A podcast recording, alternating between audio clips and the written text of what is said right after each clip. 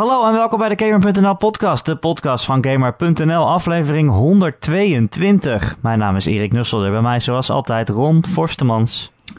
Woe! Mijzelf. Um, Woe, Erik, Ron hoor je hoe Forstemans. kraakhelder ik klink? Nee? Ten opzichte van vorige week klink ik nu een stuk beter. Ik heb een nieuwe Vorige router was, eh, en een nieuwe modem. En ik heb alles vernieuwd zodat ik beter internet heb. Hoop ik. Wow. Wow, Ja. kan je nu ook Overwatch spelen? Nou, hopelijk ja, zonder dat ik steeds uit de game gekikt word. God damn, dat is frustrerend, jongen. Ah, echt. Je wilt echt gewoon... Eh, Ik wil echt gewoon mijn PlayStation door de raam janken gewoon hoor. Als ik uit de game gegooid word. Zeker tijdens competitive. Ah, gisteren had ik weer een Snap quitter ik. in competitive. Dat iemand quit. Echt hoor. Serieus. Ik, heb meteen, ik breek echt nog een keer die game door midden gewoon. Ook al heb ik hem digitaal. Doe ik het alsnog. Koop ik hem in de winkel. Breek ik hem door midden. En jaag ik hem weer terug achter de toonbank. Zo verdienen ze alleen maar meer geld. Ja, dat is terecht. Ron, we hebben een volle show vandaag. Zo. Want eh, het is eh, de pre-E3 aflevering. Ja, volgende week is, is, is de E3 al. Of, of over één week hebben we al eh, Microsoft gehad en zo. De persconferenties. Ja, ik zit Dus er dan. ja. Ik heb Jij vandaag ben ik toegelaten tot de E3.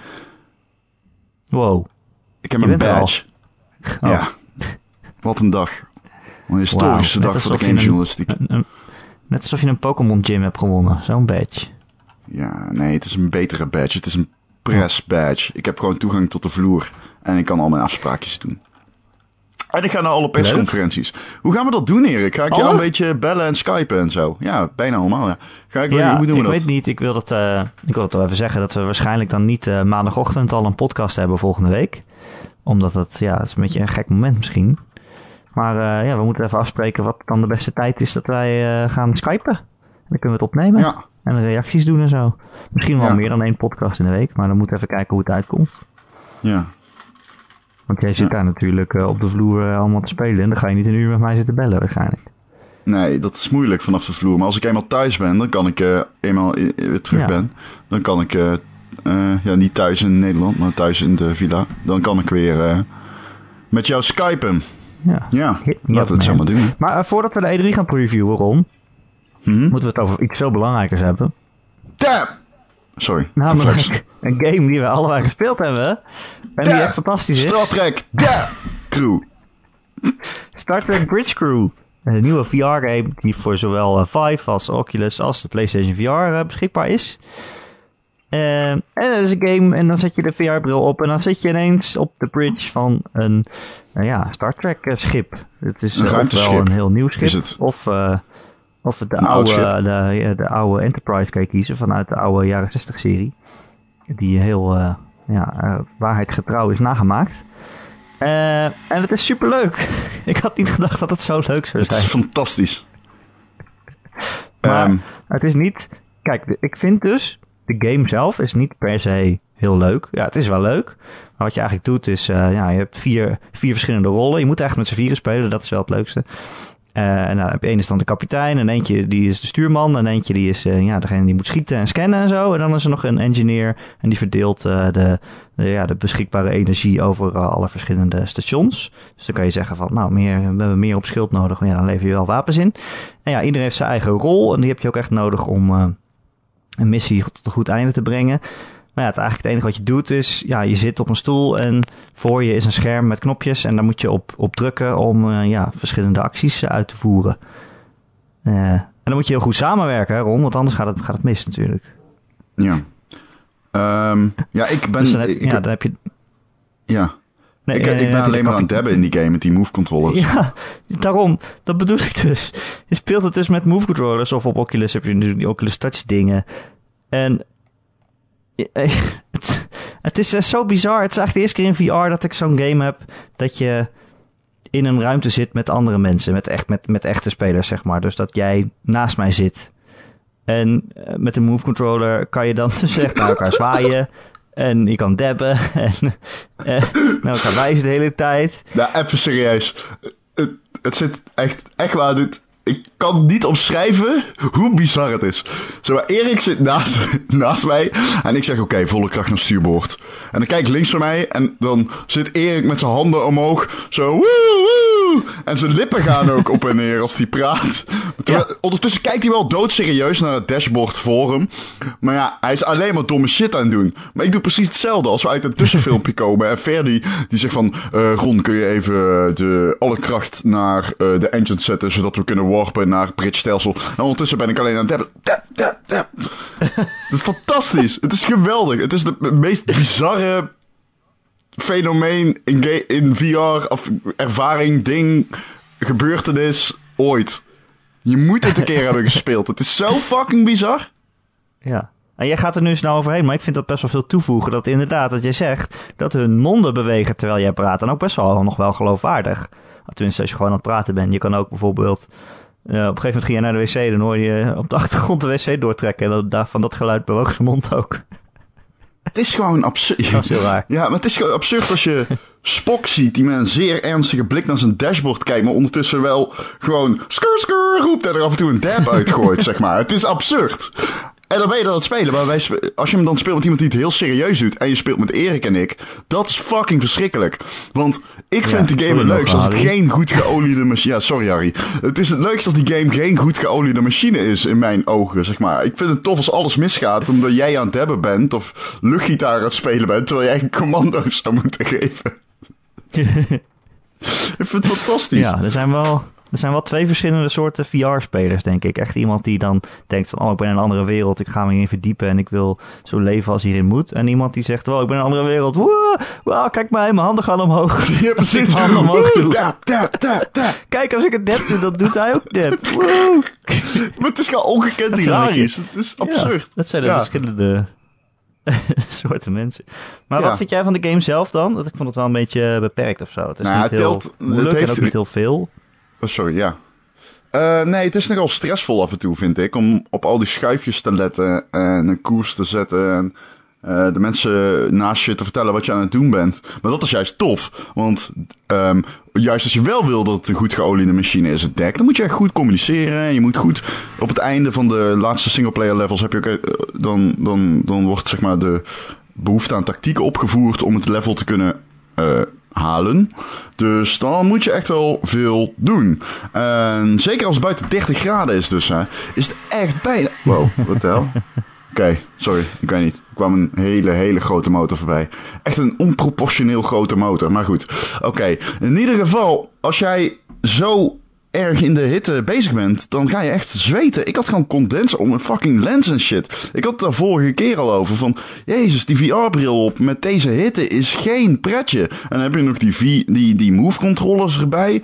Jezus, man. En dan, het grappige is, als je dan iemand ziet die zeg maar met die move-controllers in zijn hand zijn vizier een beetje probeert af te vegen aan zijn mouw Ja. of zo. Dat ziet er dan echt uit alsof iemand zijn hoofd van zijn eigen romp probeert af te slaan. Ehm, maar wat ik van die game zelf vind, het is eh, een beetje korte game. De singleplayer levels, je bent er binnen vijf uur doorheen. Dan heb je nog een soort van eh, eh, random gegenereerde modus die missies voorschotelt die gegenereerd zijn. Eh, eh. Ik denk niet dat daar heel veel Ja, mensen op zitten te wachten nadat ze die game hebben uitgespeeld. Soms zijn ze aardig, soms zijn ze kut. Maar het is wel, wat ik ook trouwens tof vind, is dat het zowel op de PC als op de. Het is de eerste game waarin ik echt merk dat het zeg maar cross-platform play zo goed werkt. eh, werkt. Zowel Ja. PlayStation-spelers als zeg maar, mensen met een Oculus of een eh, Vive. Die kunnen echt gewoon. Dat, er zit geen delay in. Die kunnen moeiteloos elkaar joinen. Eh, dat is echt heel tof. Ehm, Heel dus dat is echt heel gaaf.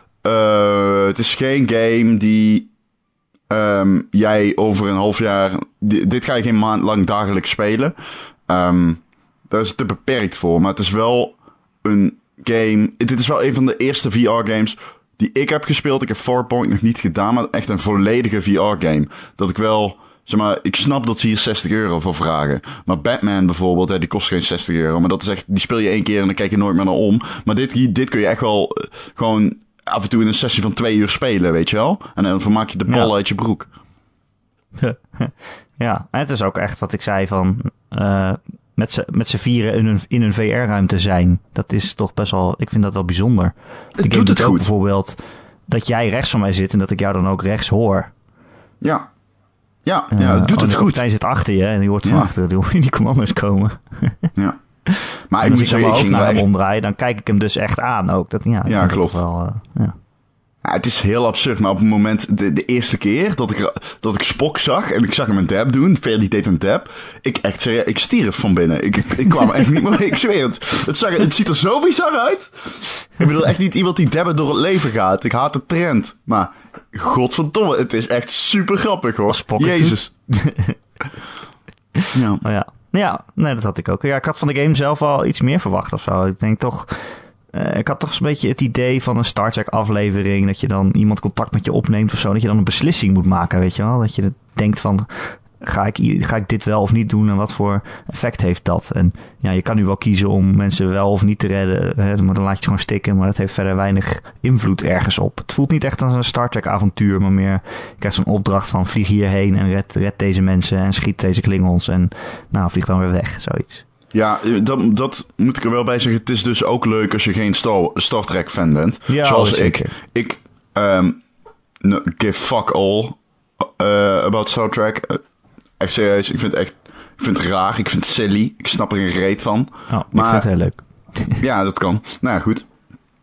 Dat is ook niet erg. Dat kan gewoon. Dat is geaccepteerd. Mm. Maatschappelijk gezien. Dat mag, Erik. Dat mag. Alleen, Ja, mag ehm, het is ook gewoon leuk om niet te spelen, omdat de gameplay eigenlijk heel sterk is in co-op.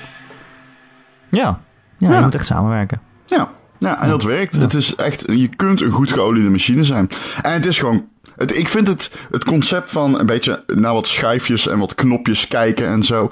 Het is echt gewoon meer dan dat door die move controllers. Die besturing tilt dat inderdaad wel echt naar een ander niveau. Omdat je echt zo direct in controle bent, dankzij die besturing. Dat is, ja, Daarom is dat, we we geinen over die dabs, maar dat is natuurlijk een bizarre gewaarwording dat het zo accuraat vertaald wordt naar het spel. En dat andere mensen daarom kunnen lachen en dat je samen lachen bent om iets belachelijks. Maar tegelijkertijd is het ook de complete verbinding met de spelwereld. Dus het sluit allemaal perfect op elkaar aan. Humor en tactiek wisselen elkaar continu af. En ja, dat vind ik wel heel grappig. Ja.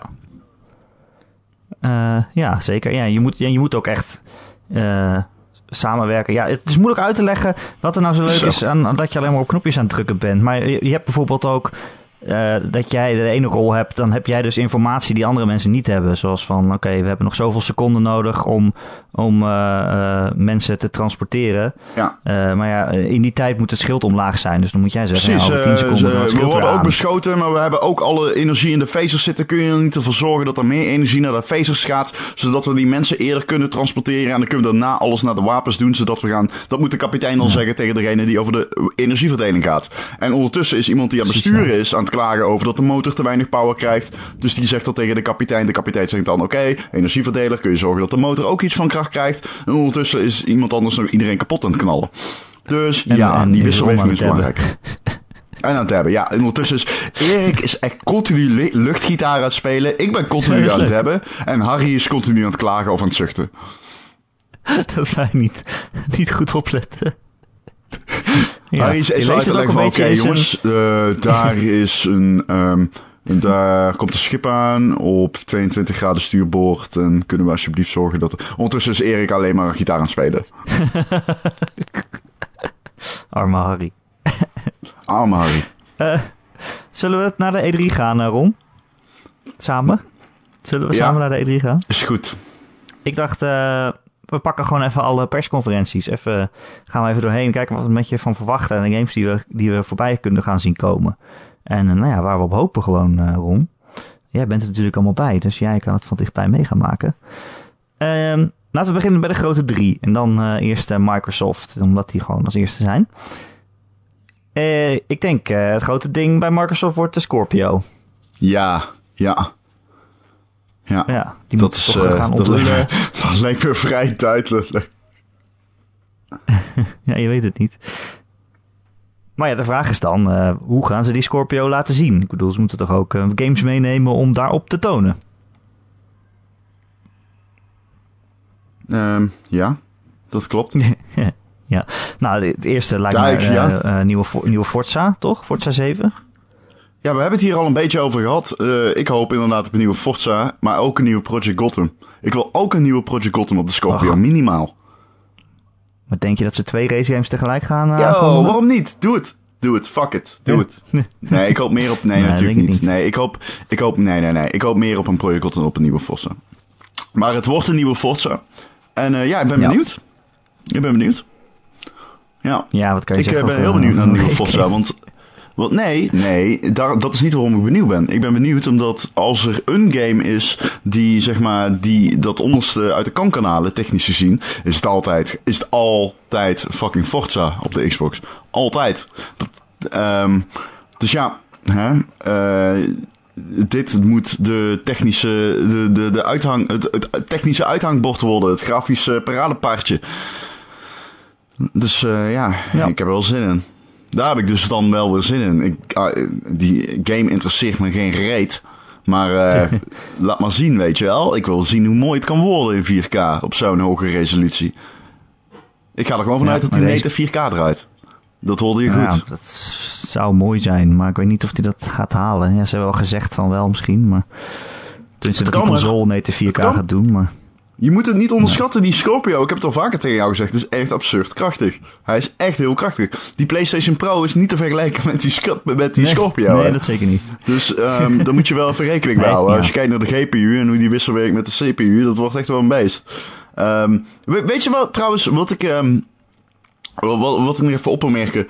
Uh, er is een uh, podcast uh, die heet de Waljump Podcast. Dat is van Simon en nog twee andere mensen. En die zeggen dan dat ik. die, die, die, die, geweldige podcast. Super grappig. Ja, ik hou van Simon. Dus ga hem luisteren. SO. maar ze, Simon vertelde dat ik dacht dat Halo nog relevant was. Nu weet de vaste luisteraar van de Gamer.nl podcast dat ik dat helemaal niet vind.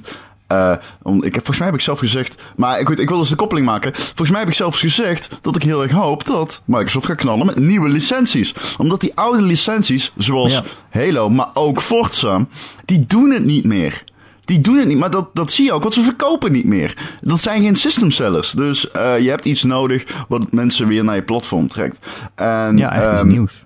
Ja, maar in-house heeft Microsoft natuurlijk niet zoveel ontwikkelaars die dat op dit moment zouden kunnen zijn. Um, ze werken allemaal aan bestaande IP's. Gears of War, Halo, 343. Uh, uh, uh, dan heb je nog dingetje, weet het? Uh, fuck, van Gears of War, waarvan ik de naam altijd kwijt ben. Um, die, die, die, die speciaal op, op is gericht voor Gears of War 4. Uh, verder hebben ze niet zo heel veel. Ja, natuurlijk Rare. Rare is op dit moment bezig met Sea of. Ik neem aan dat die geen zijproject hebben lopen. Uh, er werken iets van 80 mensen, los ik laatst. Nou ja, goed, dan wordt het moeilijk.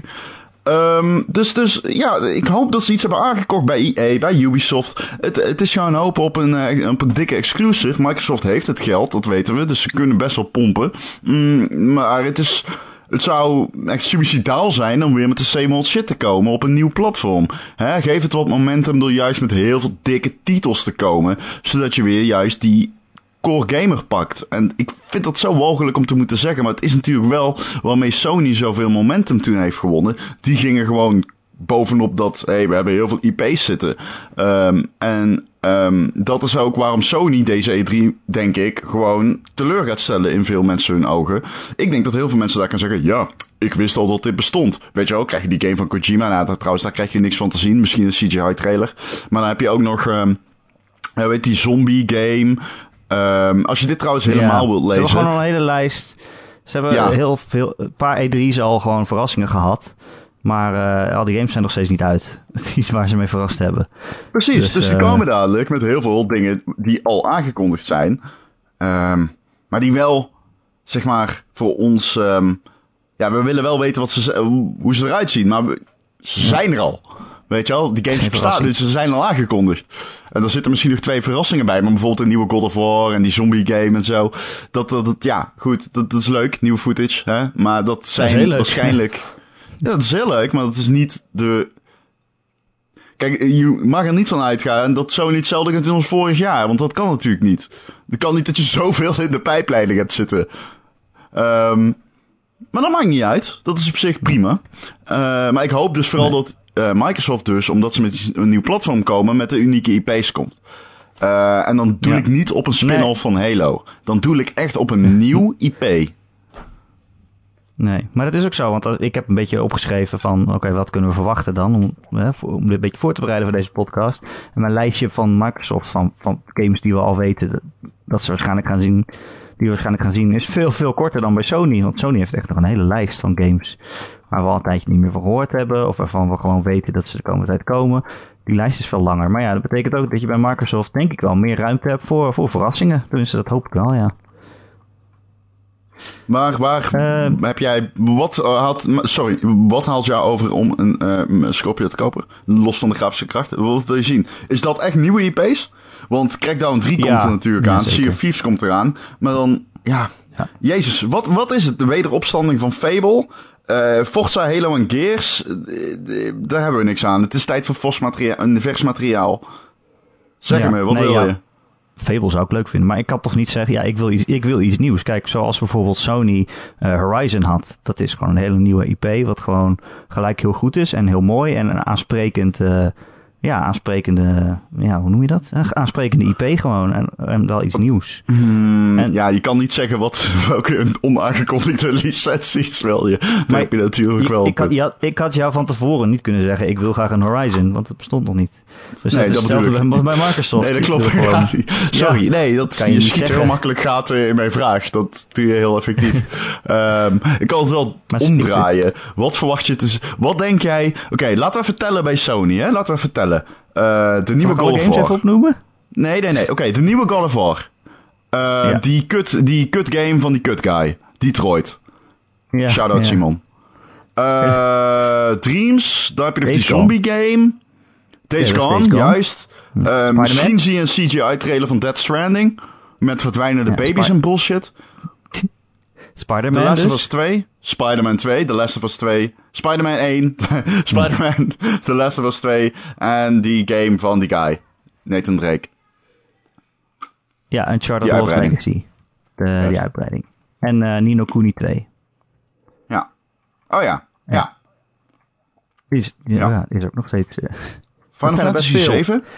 Eh, ja, Final Fantasy 7. Nou ja, eh, je kan er wel op hopen, maar ze hebben gezegd eh, dat het gaat nog twee of drie jaar duren voordat die game uitkomt. Eigenlijk net zoals Kingdom Hearts eigenlijk.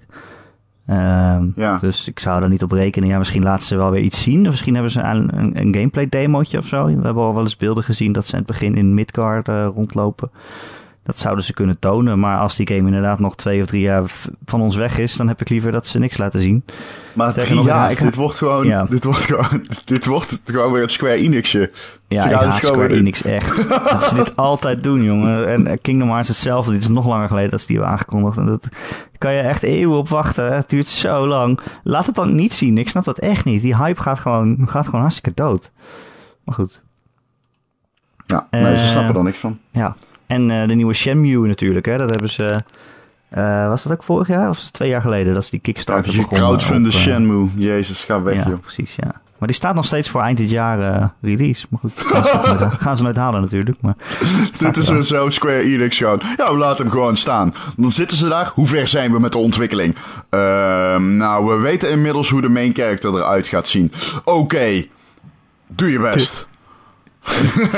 En eh, Ron, als we het over Sony's eh, persconferentie hebben, dan weten we natuurlijk ook al, ze hebben natuurlijk die deal met Activision. Dus je weet al dat en Destiny 2 en Call of Duty World War 2 eh, eh, ook daar langskomen. Ja. Dus je hebt die hele persconferentie eigenlijk gewoon ingevuld zo met al die Nou, ja, klopt. Ja. Nou, daarom, bedoel, Ja, daarom, ja, daarom eh, verwacht dat van Sony en niet heel veel meer. Doen ze wel heel veel meer dan, ik weet niet, dan ben je waarschijnlijk in een Ja, wel, transdimensionale eh, vortex gezogen en zit je in een andere dimensie. Ja, het enige wat ik nog kan verzinnen is eh, Sucker Punch. Die zijn eh, aan de beurt om iets te onthullen. Die had natuurlijk Infamous Second Son. Dat, is alweer, ja, dat was met de lancering van de PlayStation 4. Dus het zou goed kunnen dat zij nu ja, wel klaar zijn om hun volgende ding te onthullen. Ja. Ik denk niet dat het weer een Infamous is eigenlijk. Ik hoop het niet. Het zou maar verbazen. Ik, denk haat dat ze iets nieuws eh, hebben. Ik haat Infamous. Nee, geen haat. Was een goed spel. Nee, ik grapje. Ehm, maar goed, ja, Sony kunnen we helemaal invullen zo'n beetje, de, de persconferentie. Ja, dat klinkt een beetje... Ja. Ja. Er zullen heus wel weer verrast worden, maar eh, ze moeten het ook nog over VR hebben. Daar moet je ook nog weer tijd eh, aan besteden. Oh ja, ja. De PlayStation Vita, zouden ze daar nog iets mee kunnen doen, denk je? Nou, weinig, weinig. Nee, ik denk het niet. Eh, maar ja, Microsoft dus eh, inderdaad. Compilatietje. Ja, Ja, veel ruimte voor, eh, voor nieuwe dingen. Ja, daar hoop ik wel op. Eh, maar jij, jij zei net ook Sea of Thieves. Is dat iets waarvan, waarvan je denkt... dat gaan ze gebruiken om de, om de Scorpio mee aan te prijzen? nee, niet op de Scorpio. Ja, dat denk ik niet. Dat is volgens mij gewoon een, ontwikkeld eh, voor de 360. Of voor de Ja, One. 360. Zo is zo, zo lang bezig. Ja, het is niet te doen, hè? Ik speel wel eens af en toe op mijn One nog. En dat is echt niet te doen als je een PlayStation Pro hebt. Als je nu luistert en je hebt alleen een Xbox One. Je weet echt niet hoe het is om PlayStation... Dat is echt veel beter in bijna ieder opzicht. Het is echt redelijk schijnend. Het enige wat ik eigenlijk alleen beter vind werken op een Xbox One... is het capturen van gameplay. Ja. En ik heb een Elite controller en die is insane. Dat is echt de beste controller die er ooit is gemaakt. Bij vader is geen controller ter aarde beter dan die. Maar verder, ja.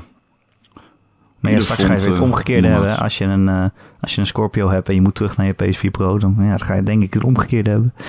Weet je niet. Het ligt aan de games. Ja, het ligt ook aan de games. Maar ja, ze gaan elkaar een beetje... Ja. Ehm, maar Thieves heb ik wel echt zin in om daar meer van te zien. En ook een release datum, zeg maar. Ja. Mag toch wel. Ja. Ja. En dan moet ik nog eh, Cup, Cuphead noemen. Cuphead. Ja, Cuphead. Het, ja, Ja, die Cuphead. indie game met die oude, oude tekenfilmstijl. Die al echt al jaren, waarvan we al jaren denken van, nou, nou zou die toch wel een keer uitkomen. Maar nee. Oh man, die game is moeilijk, joh. Hey, fuck. Ik was nog aan het spelen met een studiegenoot van mij. God damn. Op, eh, op eh, de Gamescom. Ja, ik was wel tipsy, hoor. Ik had er wel wat biertjes op. Tuurlijk. Maar eh, Michel moest me echt eh, uit de stoel trekken om terug te gaan mee naar het hotel. Of weet ik veel waar we heen gingen. Want ik kon echt gewoon... Ik, kon- ik, ik trok het niet. Ik kon niet verslaan, die eindbaas. Het was gewoon de eerste eindbaas. het is een aaneenreiking van eindbaas, die game. En het was de allereerste. En ik kon gewoon... Het, lukte gewoon niet. Dus, daar heb ik al zin in. Ja, ik ook. Maar ja, verder kan ik eigenlijk niet zoveel noemen. Toch? Of weet jij nog iets? Nee. Ehm, nee. Nee. Nou, mooi. Laten we ons verrassen. Nou, we hebben Microsoft en Sony gehad, eh, Ron. Blijft er nog eentje Ja. over. Nintendo. Ja, wat zal Nintendo nou gaan tonen? Ik ben echt super benieuwd. Wat denk jij? Godverdomme, zeg maar één game. Nee, nee, nee, nee, nee, nee, nee. Jawel, Helemaal die gaan niet. gewoon heel hun... Dat wordt gewoon de grote Mario Show. Zonder enige twijfel. Nee, echt niet. Echt niet. Ja, echt wel. 100%. Het, gaat- het wordt sowieso, oké, misschien best wel veel Mario, maar je hebt nog Splatoon 2. Je hebt ARMS. Je hebt die eh. Xenoblade eh, Chronicles Nee, 2. nee, nee, nee, je zit Eh. ernaast. Dit wordt de grote Mario Show, gegarandeerd. Nee, je zit er echt naast. Ze gaan echt... Nee, ze gaan die andere... Ze hebben gezegd, we laten games zien die in 2017 uitkomen. Waaronder Het wordt de Mario. grote Mario Show. Iedereen wil Mario zien. show, maar niet alleen maar. Gast, fucking ARMS is al uit. Dadelijk, als de E3 begint. Wat, wat, Nee, toch? wat ga je nou... Gaan ze die game laten zien? Die Xenoblade, die, die shit is... de- dat, dat, daar vul je echt... Luister, die Treehouse shit wordt alleen maar Mario. Geloof mij nou. Dat is hetzelfde als met Zelda. En dat is logisch. Dat is, een, dat is fantastisch. Dat moeten ze ook doen. Ja, maar die Ze gaan toch geen nieuwe licenties dan, eh, aankondigen. Dat is wat anders dan die... eh, zo'n soort Nintendo Direct-achtig iets dat ze gaan doen. Nee, ik bedoel, de E3 van Nintendo wordt Mario. Dat is mijn punt. Ja, nou, volgens mij hebben ze al gezegd dat ze zelfs ook nog 3DS-games gaan, gaan laten zien, hoor. Dat, ja, oké. Ja, ik hoop, ik hoop het niet. Ik hoop dat ze gewoon hetzelfde gaan doen als met Zelda vorig jaar. Alleen maar Zelda, Zelda, Zelda. En in dit geval alleen maar Mario, Mario, Mario. Ja. Ik denk Dat wel veel, maar de system seller. maar. 16 juni Kom komt ARMS uit, dus die is nog niet uit dan, Ron. Wel bijna. Dat scheelt drie dagen. Nee, maar dan gaan ze hem zeker wel promoten. Waarom zouden ze dat niet doen? Ja, ze gaan promoten. Natuurlijk geef je hem dan momenten, maar je gaat me toch niet vertellen dat het hetzelfde is als Mario, die aan het einde van het jaar komt, waarvan je alleen één trailer hebt gezien en waarop de hele wereld wacht met smacht. Eh, Ja, en ze gaan het ook wel groot onthullen, maar niet alleen maar. denk ik echt niet. Ja, ik. Ja, nee, hallo. Natuurlijk gaan ze hem niet alleen maar Mario doen. Dan zeggen, oh, en ook Arms komt nog. Ik bedoel, die game krijgt aandacht. maar de nadruk gaat net als vorig jaar met Zelda liggen Ja, op Mario. Nee, maar vorig jaar hadden ze echt alleen maar Zelda. Toen was er een hele E3-booth, was Zelda en verder hadden ze niks. Oké, ja, we gaan het zien. Ik eh, denk verhaal. niet dat heel veel zal schelen. Ze hebben wel iets meer, maar ze hebben alsnog... Mario is gewoon de system seller. die kan echt Zelda outperformen. Op ieder continent. eh, continent. Dus ja, waarom zou je het nu heel veel anders doen? Ja. Eh, Nintendo heeft de afgelopen dagen al eh, wat nieuws eh, uit de weg geruimd, zeg maar. Dat ze dat niet meer in die, in die conferentie hoeven te stoppen. Bijvoorbeeld over nou, hoe PartyChat gaat werken op de Switch. Er was een heel handig plaatje bij. Er gaat een snoer van je Switch in een dingetje, in een, hoe noem je dat, adaptertje. En dan gaat een snoertje van je telefoon, die gaat ook in dat adaptertje. En dan gaat er een snoertje van dat adaptertje naar je headset. En zo kun je Oké, dan ik... partychatten en de game horen tegelijkertijd. Yes, mag ik daar een paar dingen over zeggen? Ja, dat is eh, achterlijk, wou je dat zeggen? Nou, nee. Ik wil ten eerste zeggen, Oh. dit is niet verrassend. Want op, er is geen andere manier hoe je chat-audio vanuit je telefoon waar de app zit met je party-systeem en game-audio, die wordt gerenderd in je Switch, kunt mixen met elkaar. Dus om audio van de game en van de party te mixen, moet je wel zo'n systeem hebben. Want de audio van de party komt uit je telefoon en de audio van de game komt uit je Switch. Dus dat is logisch. Dit wisten we al. Dit was logisch. Ehm, is het achterlijk? Ja, het is fucking achterlijk. Het is letterlijk het meest achterlijkste dat ik ooit heb gezien. Maar goed, dat riepen we al voordat de Switch uitkwam. Dus dit is niet verrassend. het is gewoon even achterlijk als ik dacht dat het zou gaan worden. Ehm, ja, dus dit is achterlijk. Ja, absoluut. Dit is 100% zeker achterlijk. Ehm voice chat is zwaar. Op de Xbox One, dat zei ik ook in een tweet van mij, veroorzaakte het zelfs frame drops. Bijvoorbeeld bij die Call of Duty port van de Xbox 360 naar de Xbox One eh, van Ghosts. Die liep op een lagere framerate dan de PlayStation 4 versie, omdat de frame, omdat de kbps van de voice chat zo zwaar was, dat het iOS van, of het OS van de Xbox One, die, daar ging zoveel kracht naar uit. Dat veroorzaakte in de game zelf gewoon frame drops. Eh, dat, ik, denk, ik denk dus dat dat ook een reden is dat Nintendo ervoor heeft gekozen om eh, de voice chat naar de telefoon te stuwen. Omdat je op die manier ehm, de Switch, de CPU van de Switch, eh, minder belast. De telefoon moet al het zware werk doen. Dat zou een goede verklaring zijn, denk ik. Wat een beetje pijnlijk is, is dat dit systeem ontzettend onhandig is.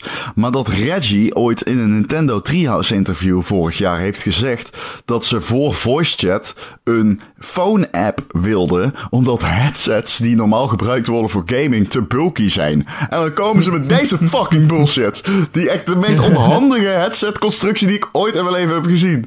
Dus ja, dat is natuurlijk weer zo hypocriet als, het maar zijn kan. Dus daarom denk ik dat het uh, iets te maken heeft met het uh, toch wel een beetje onttrekken van de CPU van de Wii, uh, van de Switch. Um, wat ook wel zo kut is, is dat als jij die headset. Stel, jij gaat Splatoon doen, maar je wilt het doen op een tv. Stel, je bent een van die mensen. Het zullen er niet veel zijn. Want de Switch is, of de Switch is natuurlijk een beetje een toegankelijk platform. En niet iedereen gaat die shit fucking hardcore in party spelen. Maar stel, je wilt het. Dat betekent dus dat ik een kabel van mijn telefoon naar mijn headset heb. Oké, okay, dat is prima. Dan moet, want de telefoon kan er gewoon op de bank naast me liggen. Maar vervolgens heb ik dus ook een kamer van 5 meter nodig. Die vanaf mijn tv naar mijn bank gaat. Want mijn Switch staat naast mijn bank. Dus dat ja. is fucking achterlijk. En dat, dat trek je je hoofd naar achteren en dan, uh, dan pleurt die hele Switch van de kast af. Ja, precies. dat kan toch niet? nee, het is niet echt handig. Nee, ik snap echt. Ja, nou ja, goed, dit wist je al. Het kon natuurlijk niet anders. Um, het enige voordeel is misschien dat als je lekker op, aan het teteren bent in de bus, dat je dan uh, in een party kan, omdat je je telefoon natuurlijk altijd bij hebt. Aan de andere kant, dat zou je, dat zou je ook kunnen als je gewoon aan het teteren bent naar je Switch toe. Dat hoef je niet per se uh, naar, je, naar je telefoon te doen. Um, maar als je gewoon een normaal mens bent, Ron, dan kan je toch, je kan je toch gewoon je trouwens, audio uh, uit je tv laten komen. En dan zet je je, je smartphone zet je op speaker en dan ga je zo chatten. Dat, dat kan toch gewoon. Ja, dat is echt de meest belachelijke dat ik ooit in mijn leven heb gehoord. Wie doet dat? Nou, Niemand ik vind dat, dat handiger dan een kabel uh, naar mijn Switch toe. Nou ja, ja, dat klopt. Maar als dan laat maar, dan ga ik gewoon niet meer. Dan, dan werkt het niet. Dat laat die multiplayer games nee, maar. maar dan ook, ga ik wel gewoon iets Het is gewoon geen. Het is gewoon geen console bedoeld voor uh, zijn hardcore multiplayer games, denk ik dan. Nee, maar ja, het, het had wel gekund als je hem gewoon in de in het OS had verwerkt, een party systeem. En dan laat je gewoon die voice chat draaien op 132 kbps. Zodat het klinkt alsof je elkaar belt met een aardappel. Dat maakt niet uit, want dan kan ik in ieder geval iemand het klinkt op fatsoenlijke wijze horen. Ja, ja, nou ja, nou ja, goed, whatever. Het is in ieder geval belachelijk en het is zo typisch Nintendo. Maar goed, de re- reacties zijn woedend. Maar ja, je had dit gewoon kunnen zien aankomen. Dus Ja. wat dat betreft... eh, Eh, ze hebben ook al wat eh, onthuld over die online service. Die gaat eh 20 ja, dollar in ieder geval, 20 dollar per jaar kosten. Die heb je dan van, het is wel uitgesteld naar 2018. Eh, maar vanaf dan heb je die dus nodig om online spelletjes te spelen. Maar je krijgt er wel ook toegang tot ja, een aantal NES-games. Dus voorlopig zijn het alleen NES-games. Het is niet meer eentje per maand, maar ze hebben gewoon een soort van library nu. Eh, en die NES-games zijn dan ook eh, klaargemaakt voor online. Dus je kan tegen elkaar eh, balloon fighten of zo eh, via internet. Dat is natuurlijk best wel vet eigenlijk, als ik erover nadenk. ja, Ehm, en 20, eh, 20 dollar per jaar vind ik ook niet super duur. Dat is wel goedkoop. Dat is wel ben je blij missen, dat toch? ze dit hebben verkozen boven dat andere systeem waarbij je één game kon spelen per maand? Ja, ik vind dit veel beter, ja. Ja, Ja. één NES-game per maand en dan... Ja. Mensen zeiden wel van, ja, er wordt een soort boekclub... dat je allemaal dezelfde game speelt die maand. Maar ja, eh boeien. Als je dan een kut game hebt, dan zit je daar een maand mee. Ja. Maar goed, ja, het is wel jammer dat het alleen maar NES-games zijn nu, nu nog. Maar eh, Nou ja, waar ik een beetje bang voor ben. ehm, ik vind het ook jammer dat het, eh, dat het alleen NES-games zijn. Ik had het. Ik heb- ben een beetje bang dat het weer eeuwig gaat duren voordat er. Voordat er bij, nu zeggen ze al van nou. Misschien komen er ook nog SNES-games. We overwegen het. Maar dat is nog niet aan de orde. En dan denk ik, godverdomme SNES-games. Eh, eh, eh, had op zijn minst Wii gezegd, weet je wel. Holy fuck, dat is vijf generaties terug. Waar hebben we het over? Ja, dat vind ik echt. Dan denk ik weer van Jezus, Nintendo gaat weer. Ah, daar word ik echt moe van als ik daaraan denk gewoon. Het gaat dus weer drie jaar duren voordat je een SNES-game aan het spelen bent. Tegen de tijd Ja. dat dadelijk dat, jij dat Gamecube games kan die, spelen, eh, zijn we al vier Nintendo-generaties verder. Maar dat ging over die eh, gratis games die dan bij die servers zitten. Hè? Ik bedoel, over de Virtual Console hebben ze natuurlijk nog niks gezegd. Ik hoop dat ze dat deze E3 gaan doen, maar dat zou goed kunnen. Dat, dat- daar, daar zitten natuurlijk al gewoon SNES games in. Er gaan zelfs geruchten dat daar al Gamecube games eh, in zitten. Dus, Ja, maar dat bedoel ik. Dat vind ik gewoon. Nee, maar dat is weer een manke. Ja, je trapt weer de eigen fundering van je systeem eronder uit door zo'n belachelijke keuze te maken. Die games zijn er al. Dus geef ze. What the fuck? Weet je wel? Ja, maar ja, ik hoop gewoon wel dat die Virtual Console, dat ze dat nu gaan aankondigen en dat het een beetje snel komt. Want dat is wel echt zoiets dat je denkt, ja, dat is wel het minste wat je kan doen. Weet je, ah, ah, van die oude, oude Nintendo-spellen die iedereen nog weer wil spelen en dan op een Switch onderweg. Ik bedoel, dat is perfect. Eh, ja, kom, kom daar maar mee. Maar goed. Eh, er zijn nog eh, drie andere uitgevers die ook persconferenties hebben, Ron. Het zal je verbazen. Ja. Eh Oh. EA, die begint, eh EA die begint op zaterdag al. Eh, ja, wat kunnen we verwachten? Ja, en al die sportgames natuurlijk. Hè. Als je EA zegt, dan zeg je sportgames. Ehm jij kijkt misschien wel uit naar een nieuwe FIFA dan? Eh, Mag ik maar even zo? ja. eh, ja. Mag je niks, mag je niks over zeggen. Ben benieuwd. Wie zegt dat hij komt? Wie zegt dat hij komt, Erik? ik, ik zeg dat. Eh, en EA heeft natuurlijk ook eh, allemaal Star Wars games. Eh, Star Wars Battlefront 2 gaan ze daar zeker laten zien. Met een singleplayer game. Dit keer. Goed nieuws Ja. voor mij. Ja. Maar ik weet niet of dat nou echt een, heel weer, een heel goede Star Wars game wo- wordt. Die eerste heb ik wel eventjes gespeeld, maar was wel een beetje heel simpel of zo. Ja. Ah, ik vond hem heel erg teleurstellend. Maar ehm, Ja, heel, om heel eh, de legendarische Joe van Buurik te citeren. Het was wel de enige echte Star Wars ervaring. Dus, I don't know. Is ook zo. Ik heb wel die VR, eh, die VR-missie gespeeld, die was wel echt heel tof. Wat een ervaring. Ja, die was heel leuk. Eh, en zijn er nog meer Star Wars games op stapel, maar ik vraag me af hoe ver ze ermee zijn. Eh Visceral maakt natuurlijk een soort verhalende Star Wars game met de schrijfster van Uncharted eh, voorheen. Ja. Eh, daar hebben we vorig jaar, zagen we volgens mij ongeveer twee seconden van. Ehm, dus misschien wordt het nu wel vijf seconden, je weet het niet. Je weet het niet. Je weet het niet. en een Respawn is ook met een Star Wars game bezig, toch? Ja, klopt. Ja. Ik denk dat dat nog sowieso wel te vroeg is om daar eh, veel van te laten zien. Nou, ik weet nog dat Titanfall 2 al vrij vroeg na Titanfall 1 werd aangekondigd. Dus wie weet. Wie weet. Ja, je weet het niet. Eh Need for Speed. Ja, de nieuwe Need for Speed is net eh, vorige week aangekondigd. Need for Speed Payback. Eh, heb je dat al gezien, Ron? Nee, ik, dat interesseert me echt. Dan neukt me geen één meter. Gewoon. Nee, mij ook niet. Serie is dood voor mij. Maar goed. Dus Ze gaan wel steeds meer, weet je, de Fast and the Furious kant op. Dus, Oh, eh, gelukkig. Meer, meer over de toppig en eh, ja, dat. Maar goed. En geruchten Lekker edgy. ja. Geruchten gaan dat BioWare een nieuwe game eh, gaat laten zien. Dat eh, Project Dylan, wat een soort van online eh, ja, Destiny killer moet, zou moeten worden. Ja, dat klopt, ja. Zo hebben ze het wel gezegd. Nou ja, tenminste, ze zeggen het is een ehm, ja, online instanced competitieve multiplayer omgeving. AKA Destiny. Ja, dus ja, coöperatieve. Sorry, niet comp. Kan, je, kan je zelf invullen. Ja. Maar ja, ik ben er wel heel benieuwd naar natuurlijk. Nou, ja, klopt. Ik ook. Ja. Zeker Maar- wel. Alleen BioWare die zo'n game moet maken. I don't know. I don't know. Nee, Niet een eh, specialiteit. Dus eh, we zullen het zien. Het is wel het grote team van BioWare. Dus eh, nou ja, dat scheelt misschien. Ja. Know. We zullen het zien. Ja. Bethesda heeft ook een persconferentie. Ja. Ik weet eigenlijk niet zo heel veel echt grote dingen die ze daar hebben. eh, ehm, worden Nou ja, wel de nog, nieuwe de nieuwe Quake gaan ze ja, waarschijnlijk Quake laten zien. Champions heb ik al staan. Ja, Ja, ik denk dat ik zit er dik in. Ja, eh, precies. Nou, ehm, wat hebben ze nog meer? Ze hebben natuurlijk, ze komen met twee nieuwe licenties dat wij weten, dat hebben ze gezegd. Eh, ik denk een nieuwe Return to Castle Wolfenstein. Niet Return, maar gewoon een nieuwe Wolfenstein. Zeker. Eh, en die, die, andere, ja, het, Bethesda heeft best veel licenties, vergis je niet. Dus het kan op Mhm. zich... Kijk, we weten natuurlijk ook, er komt waarschijnlijk een nieuwe Elder Scrolls ergens ooit aan. Mm, Ja, dat is toch cool. Ik weet alleen niet of die nu al komt, lijkt me inderdaad redelijk vroeg. Eh, maar dat is wel zo'n persconferentie die... Ik vind, die vorige vond ik erg sterk. En dat kwam natuurlijk ook door het plotse aankondigen van, eh, van Fallout. Maar het was ook wel gewoon een dikke uithaal met games als Quake en zo. Eh, en er zat ook nog een verwijzing in naar een nieuwe Wolfenstein. Dus het was volgens mij de tweede persconferentie van Bethesda. Maar het was wel een, echt een...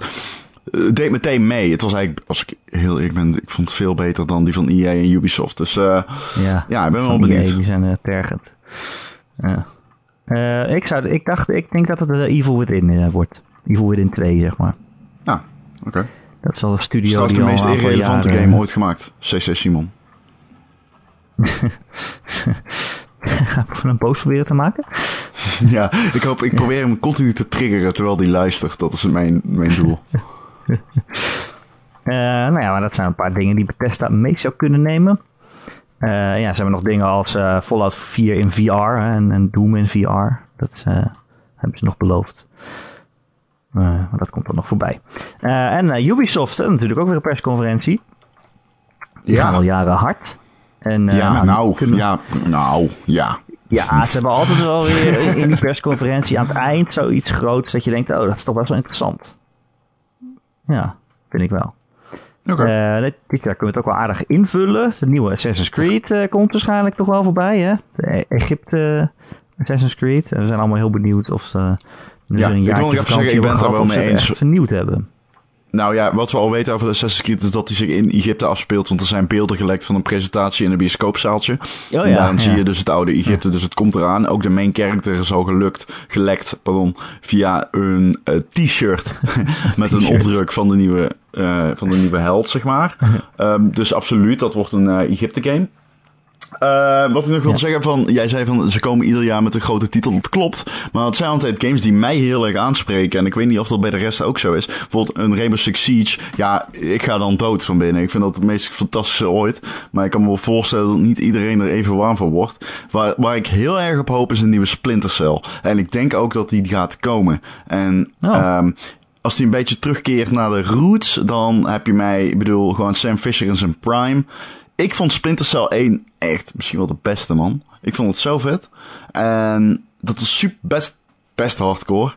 Ehm, daarna was het ook altijd goed. Het is altijd goed geweest. Ehm, dus geef mij dat. Gewoon. Een, weer een goede Splinter Cell. Maar iets minder blacklisted en iets meer Splinter Cell 1. Hoop ik persoonlijk. Ja, minder, eh, iets meer echte stealth. eh. Iets meer echt Bedoel- zelf. bedoel je? Het had het wel, maar eh, het was eh, een beetje played of zo. Het was heel erg van, oké, wij doen het werk wel voor je. En dan mag jij de tactiek verzinnen. Snap je? En dat is ook cool. Ja, ja, Alleen het is ook cool als je alle facetten in, in, in, in, in handen hebt. En dat was uiteindelijk niet meer zo bij Splinter Cell. Ik vond Double Agent trouwens bijvoorbeeld ook een hele goede game. Maar dat is niet... gespeeld. Dus dat, dat, ja, dat was een hele leuke game. Alleen dat was niet de Splinter Cell zoals ik hem graag zou spelen. Ehm, maar het- eh, je geniet er wel van. Dus eh, ja, dat. Eh, Ubisoft heeft ook Far Cry 5, die volgend jaar uit gaat komen. Die gaan ze ook zeker wel Ja. laten zien. Ze hebben al het werk van het onthullen al gedaan en nu gaan ze vast wel gameplay laten zien. Zo zou het zijn als ze het niet doen. Ja. Grapje. Grapje, komt niet. The Crew 2 hebben ze. Ja, Nou, daar zit ik nou inderdaad. niet echt op te wachten, maar goed. Nee. En South Park, Ron. Ja, South Park, ja, die wilde ik net noemen. Ja, daar Ja. ben ik ook, ja, ik bedoel, dat is gewoon, ik ben fan van die eerste game. En ik ben fan van South. Park. Dus ja, kom maar op. Eh, en dan nog iets wat ik heel graag wil zien. Hoe dit er in actie uitziet. In bewegende beelden. Hm. Eh Rabbids Wat? met Mario. Ja, Hoe heet het ook weer? Ja. Mario eh, Rabbit Kingdom of zo? Ik weet niet Eh, hoe het ja, heet. ja, zoiets. Eh, Mario plus al- Kingdom. Zoiets heet het. Ja. We hebben het geloof ik Ja. wel over gehad, hè, toen die plaatjes uitlekten van, eh, van rabbits in, eh, in Mario kleren en prinsessenkleren en zo. Ja, het is echt, het ja Mario stom met uit. Rabbids. Ik En vraag me rabbits af wat echt- erger is. Dat of AIDS? Maar het is op zich, op zich wel een leuke zet van Ubisoft natuurlijk. Want zij, ja, eh, op één in één klap zijn ze weer relevant als het een goede game is natuurlijk. Ja. Het zou best die kunnen. Licentie die ligt Mario RPG's ook altijd leuk. Ja, die die Mario goed. RPG's zijn altijd leuk en grappig. En, en dit wordt ook weer zo'n turn-based RPG als we die, eh, als we die eh, eh, uitgelekte dingen mogen geloven. Zo'n turn-based RPG in de stijl van die Mario spellen. Eh, en als ze dat dan inderdaad wel grappig weten te brengen zonder dat die rabbits echt super vervelend worden. Of als Mario die rabbits ook vervelend vindt, weet je wel. Dat zou dat best wel grappig kunnen zijn. Ik weet niet. Ik heb er wel zin in op zich. Maar ik wil het gewoon zien op de E3 wat het wordt. Het ding is vooral, ik heb niet, ja... Oké, het, het ding is, de vorige keer ging het gewoon mis natuurlijk bij ehm, eh, Mario en Sonic eh, op de Olympische Spelen. Om even de Nederlandse titel te gebruiken. Dat was gewoon niet zo'n hele goede game. Maar ja, weet je, ik hoop heel erg dat het een beetje niet te. ehm, ja, ik wil niet zeggen niet te toegankelijk. Ik hoop gewoon niet dat het dusdanig versimplificeerd is dat het gewoon niet eens in de buurt komt bij bijvoorbeeld een Mario Party. Ik wil wel iets van een uitdaging, zeg maar. Want die Rabbit Games. Mario Party, het wordt een Mario RPG, hè? Het is geen... Nee, eh, weet ik. Maar ik bedoel, nee, ik bedoel qua toegankelijkheid. Zeg maar dat je Ah, wel ja. nog iets van diepgang hebt, weet je wel? Nog wel iets van uitdaging. Ik ben heel erg bang voor een oversimplificatie. Ik ben gewoon bang dat ze een game maken voor negenjarigen. Dus doe dat niet en geef ja. me iets waar ik ook een beetje mee uit de voeten kan, zeg maar. Dat is meer mijn punt. Goed, als hun doel is om een game voor 9-jarigen te maken, die games mogen er ook zijn. Ja, die mogen er zijn maar dan ben ik teleurgesteld. I don't give a jack shit over die spellen. dat eh, boeit me geen meter. Ja, dan ga jij ze spelen? Nee, zeker niet. Maar ja, dan zijn wij gewoon de doelgroep niet. Ja. Nee, ja. betekent niet dat het een slecht spel ik, is. maar ik, dan kan ik... Nee, dat klopt. Dat betekent inderdaad niet dat het een slecht spel is. Nee, dat klopt. Maar dat wil niet zeggen dat ik het wil spelen. En dat is wat ik zei. Nee. Precies. Eh, ik heb nog twee andere games eh, staan die eh, niet in een van de andere hokjes pasten. Namelijk eh, Red Dead 2. Gaan Oh we ja. die zien. Rockstar is niet vaak op de E3.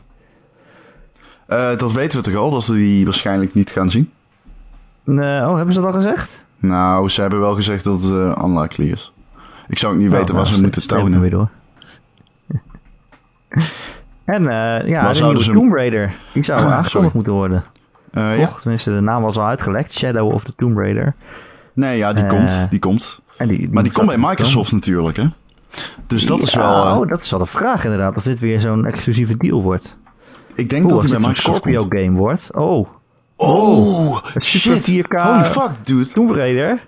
Oh, ik denk dat je hier... eh, oh, ik denk dat... You're onto something, man. I Oeh, think you're right. echt cool ik zijn. denk dat die komt. Nou, oké, ik ga, dan ga ik toch een Scorpio kopen. nee, dat zou wel echt cool zijn.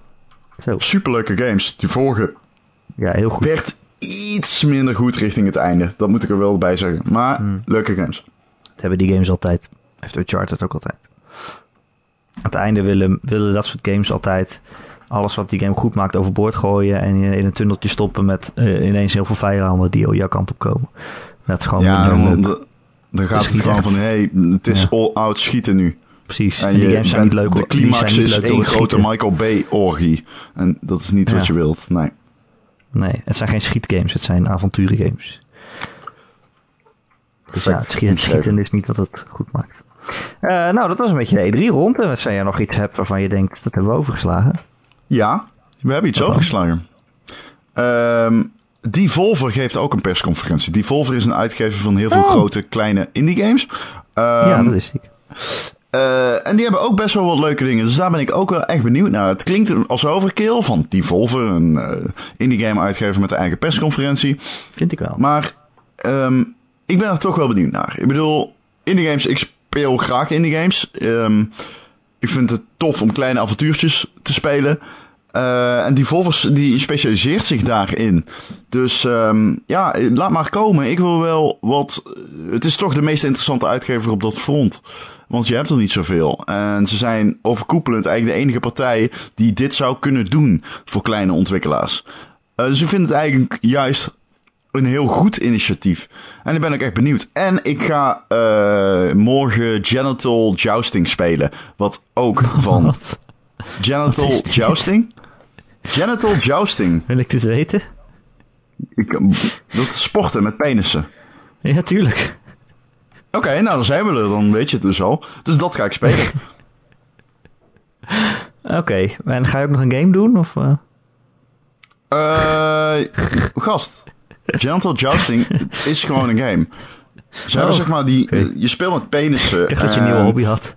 Nee, gast. Het zijn gewoon diverse kleine games. En eh, ja, je hebt bijvoorbeeld een spel met ballen en een, spel waarin eh penissen van slagveld geslagen moeten worden. En ze hebben een gat aan de achterkant dat je kan penetreren voor diverse moves met andere piemels. Het is echt een goed spel.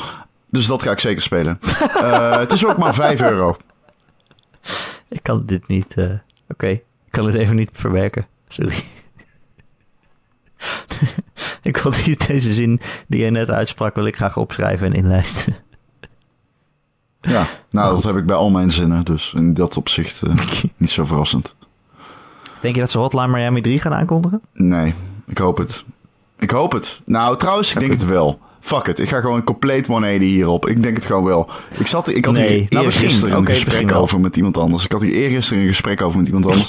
en toen zei ik, ik denk het wel. En toen zei degene, ik denk het niet hierom. En toen dacht ik, wow, je hebt gelijk. Ik kan niet ingaan op waarom.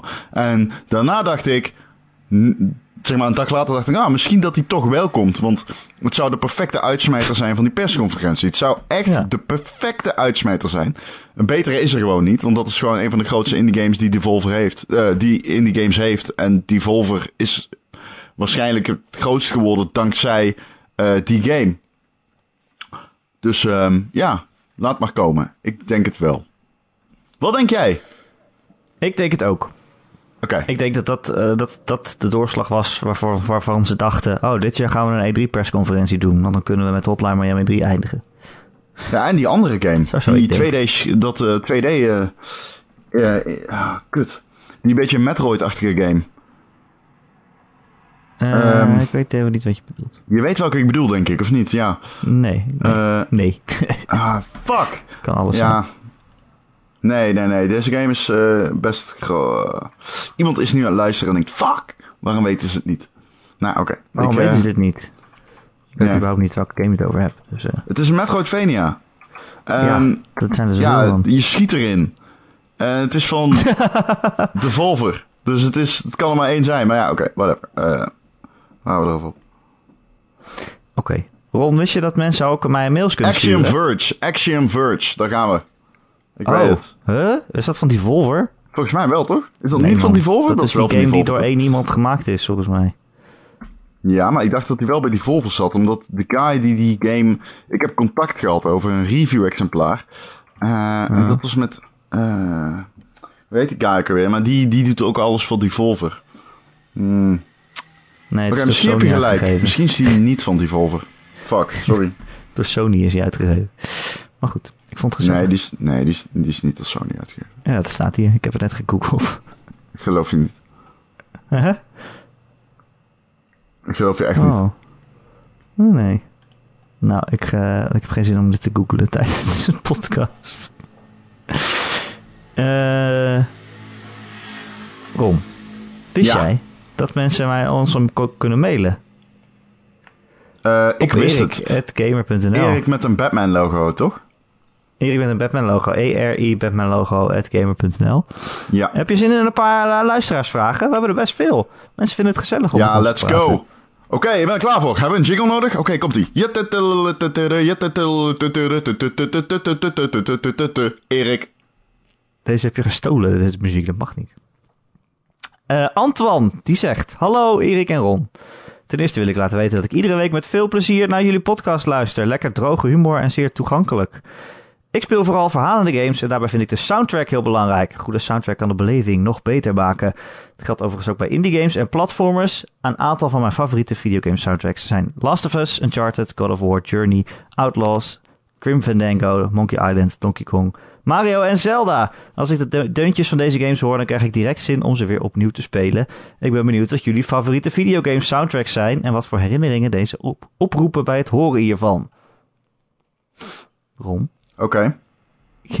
Nou, mijn favoriete videogame soundtracks. eh, ik moet zeggen, ik ik let niet altijd heel vaak op de muziek of zo. Vaak is het gewoon een beetje eh, achtergrond. En ik bedoel, natuurlijk is het heel belangrijk. En als het slecht zou zijn, zou het zeker opvallen. En als het er niet zou zijn ook. En het draagt heel veel bij. Maar het zijn niet heel veel games die echt zo'n soundtrack hebben die je bijblijft. Ik heb wel eh, heel veel Final Fantasy games. Die hebben, vind ik, hele goede soundtracks hebben. Vooral eh, eh, 7 en, en, en 6. Eh, ja, dat zijn ze hoor. gewoon- ja, Zeker. is- Ja. ja. Ehm, maar ik heb niet heel vaak dat als ik een liedje hoor, dat ik dan aan een game denk. Maar ik heb het wel bijvoorbeeld, Ron, bij eh, ik, eigenlijk de beste videogame soundtrack vind ik Tony Hawk's Pro Skater 2. Twee. Ja, zeker. Absoluut. Zonder enige vorm Eh, Ik ook. Ja. Er zitten al wat bands in die ik met die game ontdekt heb. Ja, maar ook wel verweven met nostalgie natuurlijk. Dat was nog de periode dat het cool was om een overseas broek te, ja, te dragen. Eh, dus ja, Of, of laten we daar vooral niet te diep op ingaan. dat doet pijn aan mijn intellect. Weet je, op zich, er zijn niet heel veel soundtracks waar ik dus heel erg hard op ga. Ehm, maar er is één soundtrack die me altijd is bijgebleven. En dat is de team van Rainbow Six. Dat is ook het enige nummer dat ik zowel op gitaar als op piano kan spelen. Dus dat is op zich wel, eh, daar ben ik wel Wow. fan van. Dat vind ik echt een super mooi gecomponeerd nummer. Eh, dat is ook een klassieke compositie met temporisering en volumewisseling. Dat is, dat is echt mooi gemaakt. En ik vind, in- als je kijkt naar hedendaagse soundtracks, dan is het vaak een conglomeraat van één duit. En ik vind het toffer als ik iets van afwisseling heb. En dat nummer alleen al heeft heel veel afwisseling. Weet je wat trouwens ook een goede soundtrack is? Hotline Miami 1. Ja, Dat is ook fantastisch. Echt, wat een soundtrack. Ja. Dat vind ik misschien wel de beste ooit, denk ik. Ja. Ik heb- vind, ja, Tony Hawk Pro Skater heeft meer nostalgie misschien, maar Ja. ja. Maar dat zijn gewoon al bestaande liedjes. Ik bedoel, dat is niet knap van de makers. Dat- Die hebben ze gewoon gelicensed. Ja, maar dat is hetzelfde bij Hotline Miami natuurlijk. Dus. Eh, oh ja, ja, dat klopt natuurlijk. Eh, nee, ik vond het vooral heel knap. eh, als, je, als je een hele lange RPG speelt, zoals ik ben nu dan Persona 5 aan het spelen. En dan hoor je zo'n liedje, die hoor je honderd keer. Ja, duizend keer. Elke keer als je een gevecht hebt, hoor je hetzelfde liedje. Maar dat het dan toch niet gaat vervelen. Dan dat je eigenlijk beetje aan het meeswingen bent. En aan het meezingen bent. En dat vind ik altijd heel knap. ik weet kan het ook niet. Er gewoon irritant worden. er zijn wel liedjes waarvan ik gewoon compleet panisch word. Mario Kart 8, die soundtrack. Ik, ik, oh, ik haat die sound. Het is echt zo gejengel. Eh, Onnavolgbaar gejengel is het. Verschrikkelijk. Ik heb dat, ik heb, eh, waar ik hier nu heel panisch van word, is dat liedje van The Witness. Wat aan het einde zit. Ja, Bij die ja, laatste trophy, zeg maar. Zo'n klassiek eh, muziekstuk Ja, zit daaronder. Eh, ja, ook panisch van. Eh, nog een vraag, Ron. Ja. Deze is voor jou. Van Bas. Oeh.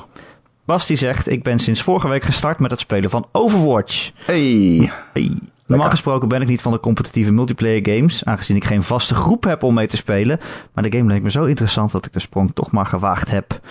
Eh nou, Goede onderzoek keuze. ben ik begonnen met een vrij eenvoudig karakter, namelijk Mercy. Die ligt me eigenlijk vrij goed.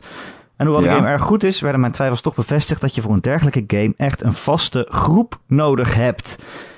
Ja. Want uh, met willekeurige spelers is er geen plan, dan gaat iedereen zijn eigen weg. Heeft Ron als doorgewinterd Overwatcher misschien tips voor een beginnend speler? Welk karakter kan je het beste doen naar Mercy? En is het mogelijk om een vaste groep te vinden via de game? Of is daar een andere manier voor? Ja, nou, uh, wat was de naam van de persoon die deze mail stuurde? Bas. Voordat ik een Bas, juist, dan heb ik het goed. Bas. Nee, Bas, uh, het, uh, als ik het, ik zal niet altijd diep op ingaan, want het is totaal oninteressant als je geen Overwatch speelt. Maar uh, Mercy is inderdaad een goede eerste character. Als je meer de DPS in wilt, kun je Soldier proberen. Dat betekent, die doet heel veel damage, maar is ook makkelijk te besturen. En is nooit een foute keuze als jij jouw team iemand nodig heeft die damage nodig heeft. Verder, als jij een, um, stel jij hebt uh, geen teamgenoten om mee te spelen. Het klopt volledig dat je inderdaad een team nodig hebt, dan is Overwatch het leukst. Maar er is een soort van gateway naar het vinden van mensen om mee te spelen. En die gateway heet The 100. Dat is THE 100 in numerieke getallen dus. Numerieke getallen, wow, prachtig Ron. Numerieke Oude eindredacteur. Uh, in getallen dus. en uh, .com. En wat dat doet, het voegt je toe aan een groepje van 100 mensen en um, die, die groep, zeg maar, van die honderd mensen, daarin varieert de samenstelling niet. Dus dat betekent dat heel veel mensen waarmee jij speelt continu dezelfde. Je, je, kunt zeg maar oproep doen van jou, ik wil spelen. En die honderd andere mensen krijgen dan een pushbericht. En jij kan met die mensen samen meedoen um, aan een game. Maar het gunstige is, als jij een team probeert te vinden, heb je heel vaak dat jij uh, geen binding hebt met andere mensen. Maar je ziet in zo'n groep van 100 mensen dat is zeg maar net klein en groot genoeg om altijd iemand te kunnen vinden. Maar ook genoeg binding te kunnen vinden met mensen om een vast team te kunnen kweken. Dus dat is heel interessant. Uh, ik gebruik het ook voor Destiny. En het werkt echt heel goed. Dus dat is wel iets wat ik kan aanraden. Ga even naar de, de 100.io trouwens. Ik zei kom, het is IO. Is dat er ook voor uh, Star Trek Bridge Crew? Ik denk het niet, nee. uh, een andere vraag. Marcel, die mailt ons, die zegt... Hallo Erik, ik luister altijd graag naar jullie podcast. Valt het jullie ook op dat er op deze generatie consoles geen tennisgame is verschenen? Is die markt dan te klein? Topspin was altijd in het begin wel leuk vroeger. Ron, waarom is er geen tennisgame? Ja. Ik, heb, ik vind het echt een fucking goede vraag.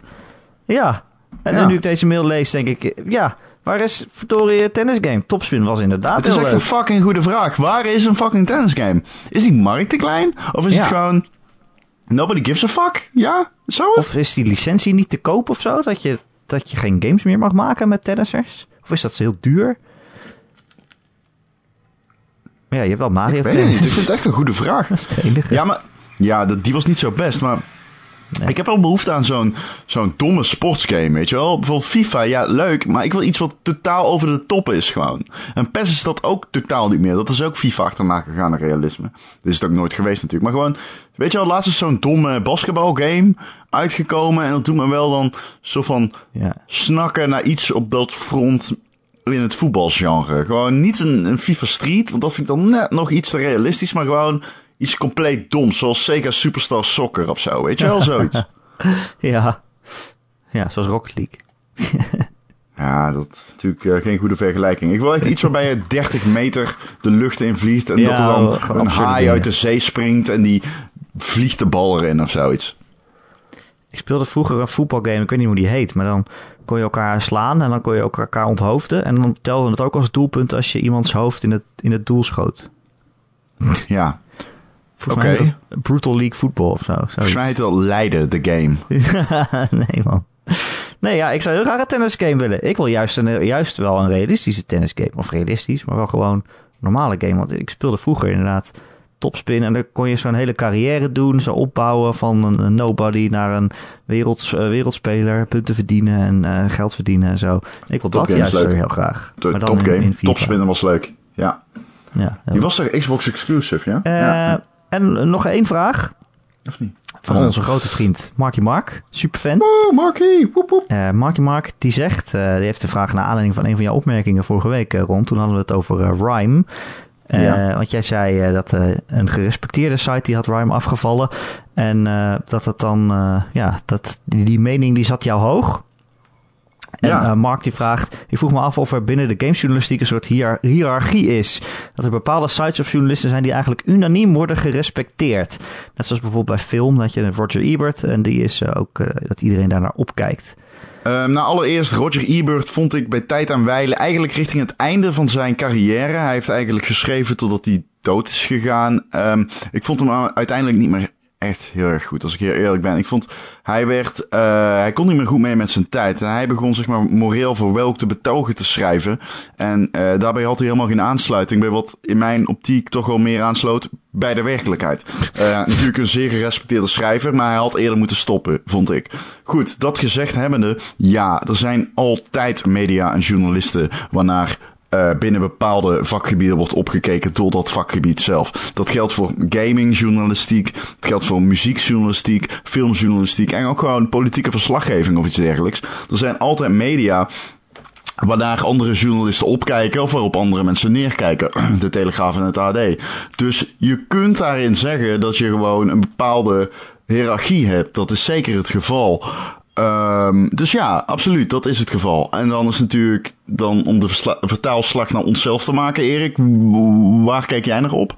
Nou, weet je, natuurlijk is er een hiërarchie, want je hebt gewoon, je kijkt toch heel anders naar, naar wat, wat, iemand schrijft die, uh, die het pas net doet, of die bij zo'n vrijwillige site zit, waar, waar, wat een beetje een hobbyprojectje is, zeg maar. Dan kan je nog wel heel goed zijn, maar je moet ook een beetje je sporen verdienen of zo. Dus ik lees heel graag uh, ja, dingen als Kotaku, weet je. En daar zitten toch ook mensen die gewoon hele, hele scoops hebben, uh, waar, waar, echt gewoon maanden onderzoek in zit en zo. En nou ja, je hebt natuurlijk ook mensen met heel veel connecties binnen, de, binnen de gamewereld, die gewoon, gewoon dingen eerder horen dan jij. dus ja, ja, je, ja, je moet je sporen verdienen en zo bouw je, je bouwt gewoon een reputatie op. Dat, dat is gewoon zo. Maar dat is in alles zo, ja. denk ik. Ik ben niet iemand die opkijkt naar andere mensen. Ik, uh, dat, dat, ja, ik weet niet, dat zit niet echt in me. Um, ik ben ook niet starstruck of zo. Dus bijvoorbeeld de Giant Bombcast of zo, daar kan ik heel weinig mee. Uh, hoewel ik dat zeer respecteer. Um, maar ik, dat is niet per se voor mij. Um, of is wel een leuke podcast, dat zeker. Ik kan hem aanraden. ja. Maar als ik kijk naar wat ik zelf heel goed vind, dus Waypoint. Um, uh, Patrick ja. Lepecki vind ik bijvoorbeeld echt een goede schrijver. Klepek. Um, uh, sorry, juist. Um, en um, ik uh, heb um, inderdaad Kotaku hoog zitten. Uh, en uh, Rock Paper Shotgun. Ik vind dat echt een leuke website om op te komen. Ook al is het meer richting PC en platform dat ik niet heb. Maar ik ben daar graag op die website. Interessante opiniestukken en persoonlijk geschreven. Wat mij dan weer iets van connectie geeft met de schrijver. Maar dan is de vraag, wat, waar kijk je op neer, Erik? Och. Moeten we dat echt gaan zeggen? Ja, er ja, zijn gewoon mensen die duidelijk ik, niet kunnen ja, schrijven. Ik, ik wist het. Ik, wist geen dat je dit kut zou noemen, vinden. je merkt gewoon als een review gewoon niet lekker loopt. En als, als een tekst gewoon niet goed wordt geschreven. Of als er gewoon kritiekloos een game wordt behandeld. Zeker als je een games die je zelf hebt gespeeld. Waarvan je denkt, ja, ik ben toch echt niet gek. Je zit er gewoon echt... Het klopt gewoon niet. En iemand die, die prijst het gewoon de hemel in. Omdat je gewoon leest dat hij al blij is dat hij een gratis game heeft gekregen. Ja. Ja. Die, die sites ja, zijn er. Zoals het geval is bij... Nee, ja, dat ga, ik, dat ga ik gewoon niet doen. Ik vind dat niet netjes.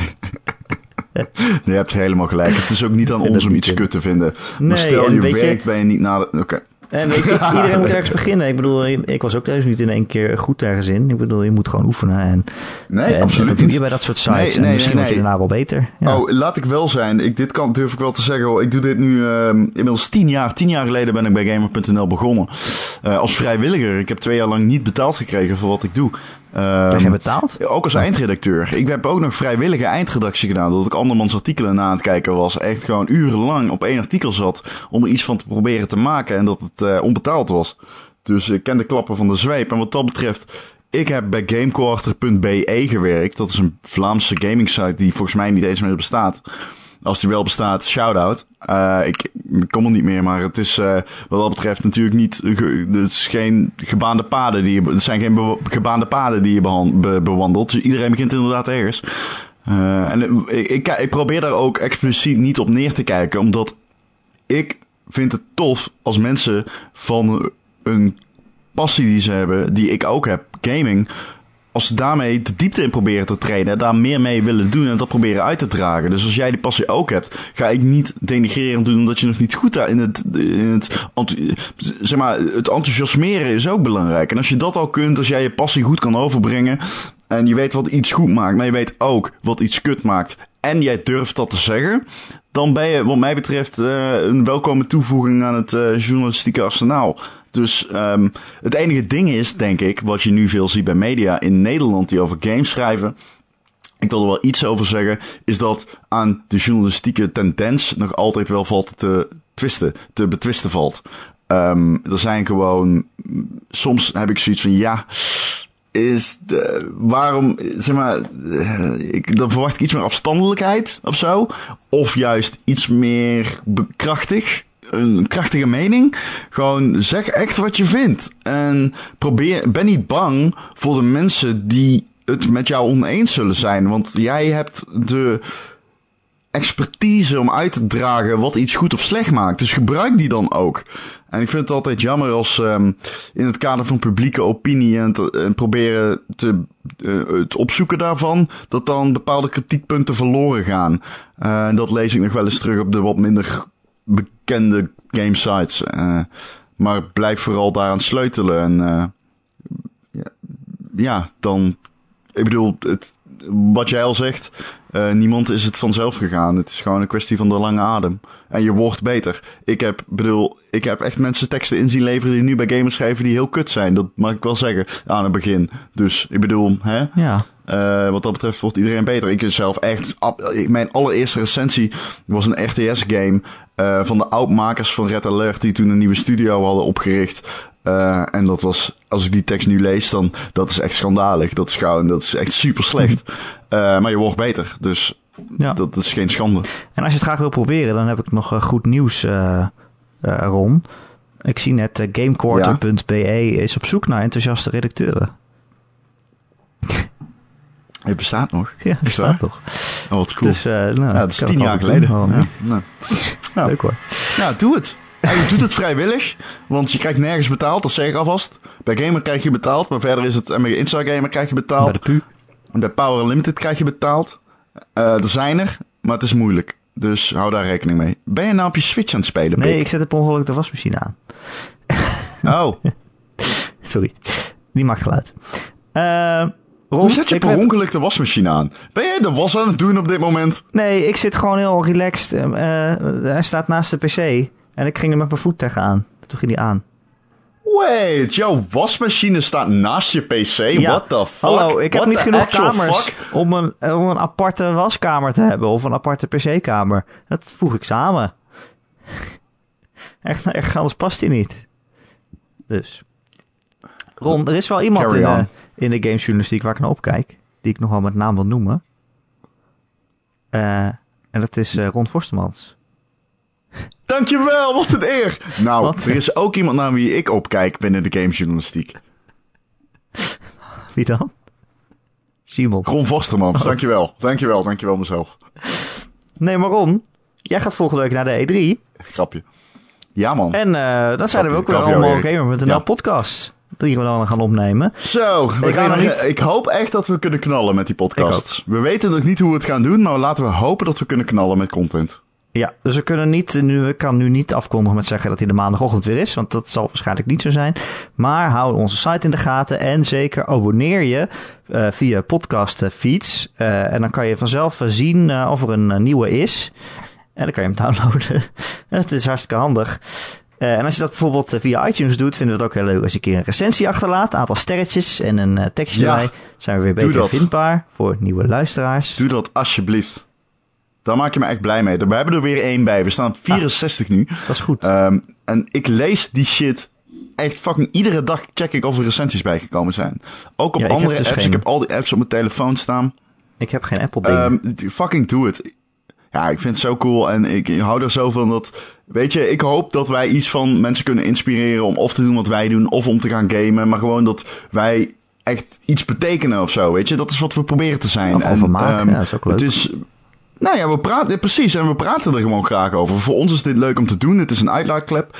Maar ik vind het tof als het iets van. Uiteindelijk is het allemaal bevestiging waar iedereen zijn hele leven lang op zoekt. Dus als je het tof vindt, laat het weten. Als je het kut vindt, laat het ook weten. Dan weten we wat we, kunnen, wat we beter kunnen doen. It's all good. It's all En als good. je een vraag hebt, laat het ook weten.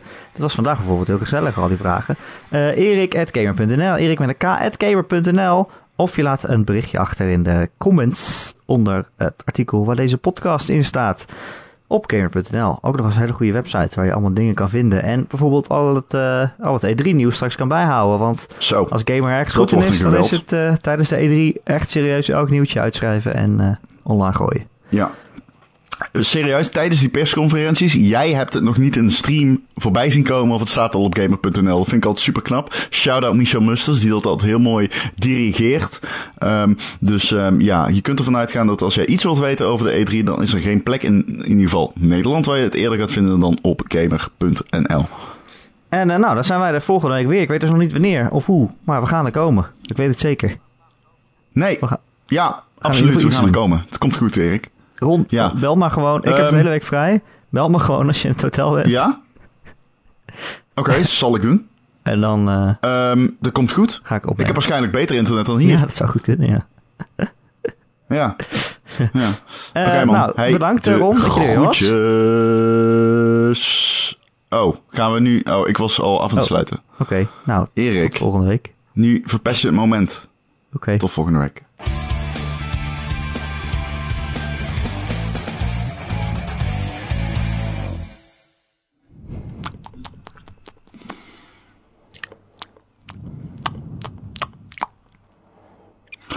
Oké, ik ben er klaar voor. Echt? Ja. Wow. Cool. Ga ik ophangen. Doei.